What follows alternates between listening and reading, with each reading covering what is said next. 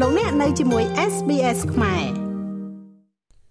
ក្រុមជើងខ្លាំងបាល់ទាត់អឺរ៉ុបចំនួន2ក្រុមធ្លាក់ចេញពី World Cup ខណៈដែលរបាយការណ៍ប្រកួតនៅថ្ងៃទី12នេះគឺជាថ្ងៃសម្រាប់បញ្ជាក់ពីលទ្ធផល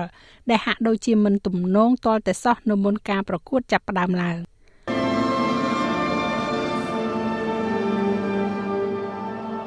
ជប៉ុនមានផ្លូវដ៏ប្រកបប្រជាមួយសម្រាប់ការឡើងទៅវគ្គបន្តដែលមិនធ្លាប់មានជាលើកដំបូងរបស់ពួកគេ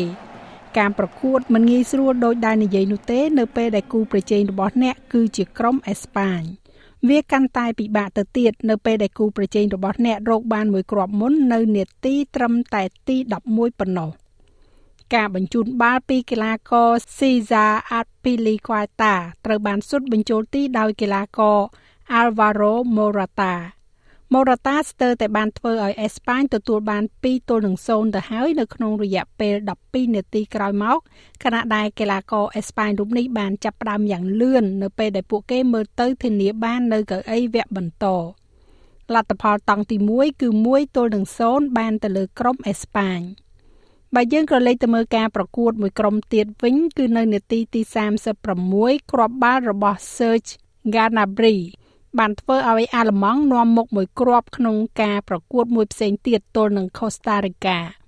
អ្វីអ្វីមើលទៅហាក់ដូចជាល្អប្រសើរសម្រាប់ក្រុមជើងខ្លាំងទាំងពីរគឺអេស្ប៉ាញនិងអាល្លឺម៉ង់ដើម្បីឈានទៅវគ្គ16ក្រុមពីពូល E ប៉ុន្តែការដែលមើលទៅងាយស្រួលពេកធ្វើឲ្យលទ្ធផលនឹកស្មានមិនដល់អ្វីអ្វីនៅក្នុងបាល់ទាត់គឺជាការលេងហ្គេមដ៏គ្រោះថ្នាក់ណាស់6នាទីចូលដល់តង់ទី2ស្ថានភាពនៅក្នុងក្រុមនេះបានផ្លាស់ប្ដូរទាំងស្រុង។ មិនដល់3នាទីផងបន្ទាប់ពីការចូលមកជំនួសនៅក្នុងតង់ទី2កីឡាករ Ritsu Duan បានសុទ្ធបញ្ចូលទី1គ្រាប់ធ្វើឲ្យពិន្ទុឡើងមួយស្មើ3នាទីបន្ទាប់ពីនោះប្រហែលជាពេលដែលគេមើលឃើញការប្រកួតដ៏ចម្រូងចម្រាសបំផុតមួយនៅក្នុងចំណោមការប្រកួតរហូតមកទល់នឹងពេលនេះដូអានបានបញ្ជូនបាល់ទៀបចូលទៅក្នុងប្រអប់ដែលមើលទៅហាក់ដូចជាបាល់ចេញប៉ុន្តែ កាអូរូមីតូម៉ាបានខិតខំប្រឹងប្រែងជាកិច្ចចុងក្រោយ ដើម្បីរក្សាបាល់ហើយបានគ្រប់គ្រងបាល់ឆ្លងទៅឲ្យអាអូតាណាកាដែលជាអ្នកសុទ្ធបាល់បញ្ចូលទី ការសម្រេចចិត្តត្រូវបានបញ្ជូនទៅឲ្យអាជ្ញាកណ្ដាលជំនួយជាមួយនឹងការមើលវីដេអូ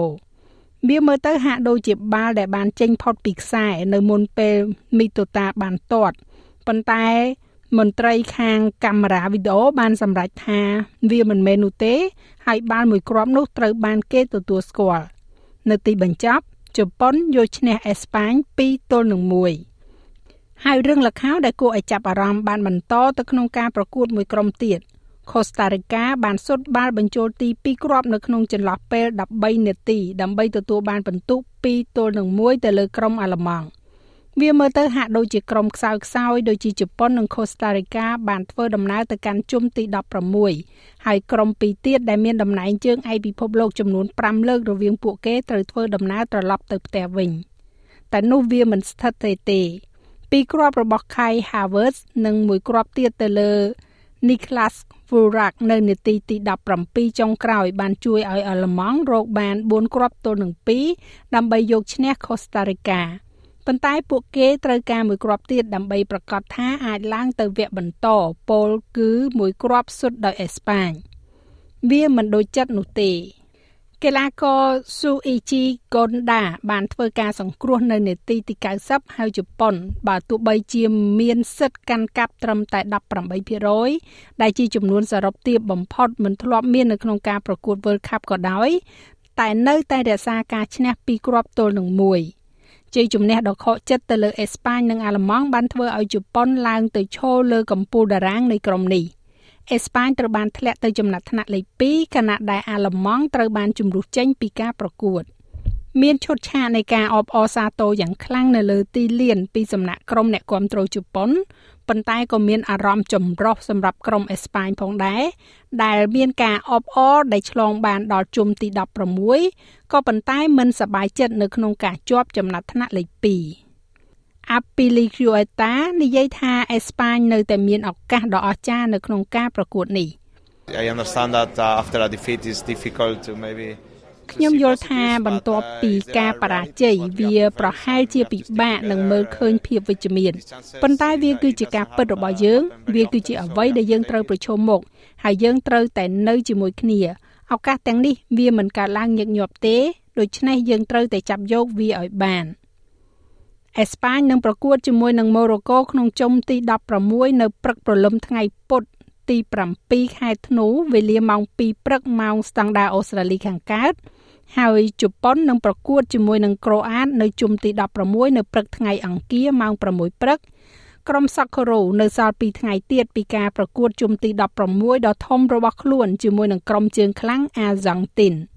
ហើយការប្រកួតថ្ងៃទី13នៃការប្រកួតបាល់ទាត់ពិភពលោកនេះគឺជាការប្រកួតចុងក្រោយនៃវគ្គចែកពូលកៅអីពីរចុងក្រោយនៅក្នុងជុំទី16នឹងត្រូវបានកំណត់ ចាស់ហើយរបាយការណ៍នេះចងក្រងឡើងដោយ Sanil Avasti សម្រាប់ SBS News និងប្រែសម្រួលសម្រាប់ការផ្សាយរបស់ SBS ខ្មែរដោយនាងខ្ញុំហៃសុផារ៉ានីចុច like share comment និង follow SBS ខ្មែរនៅលើ Facebook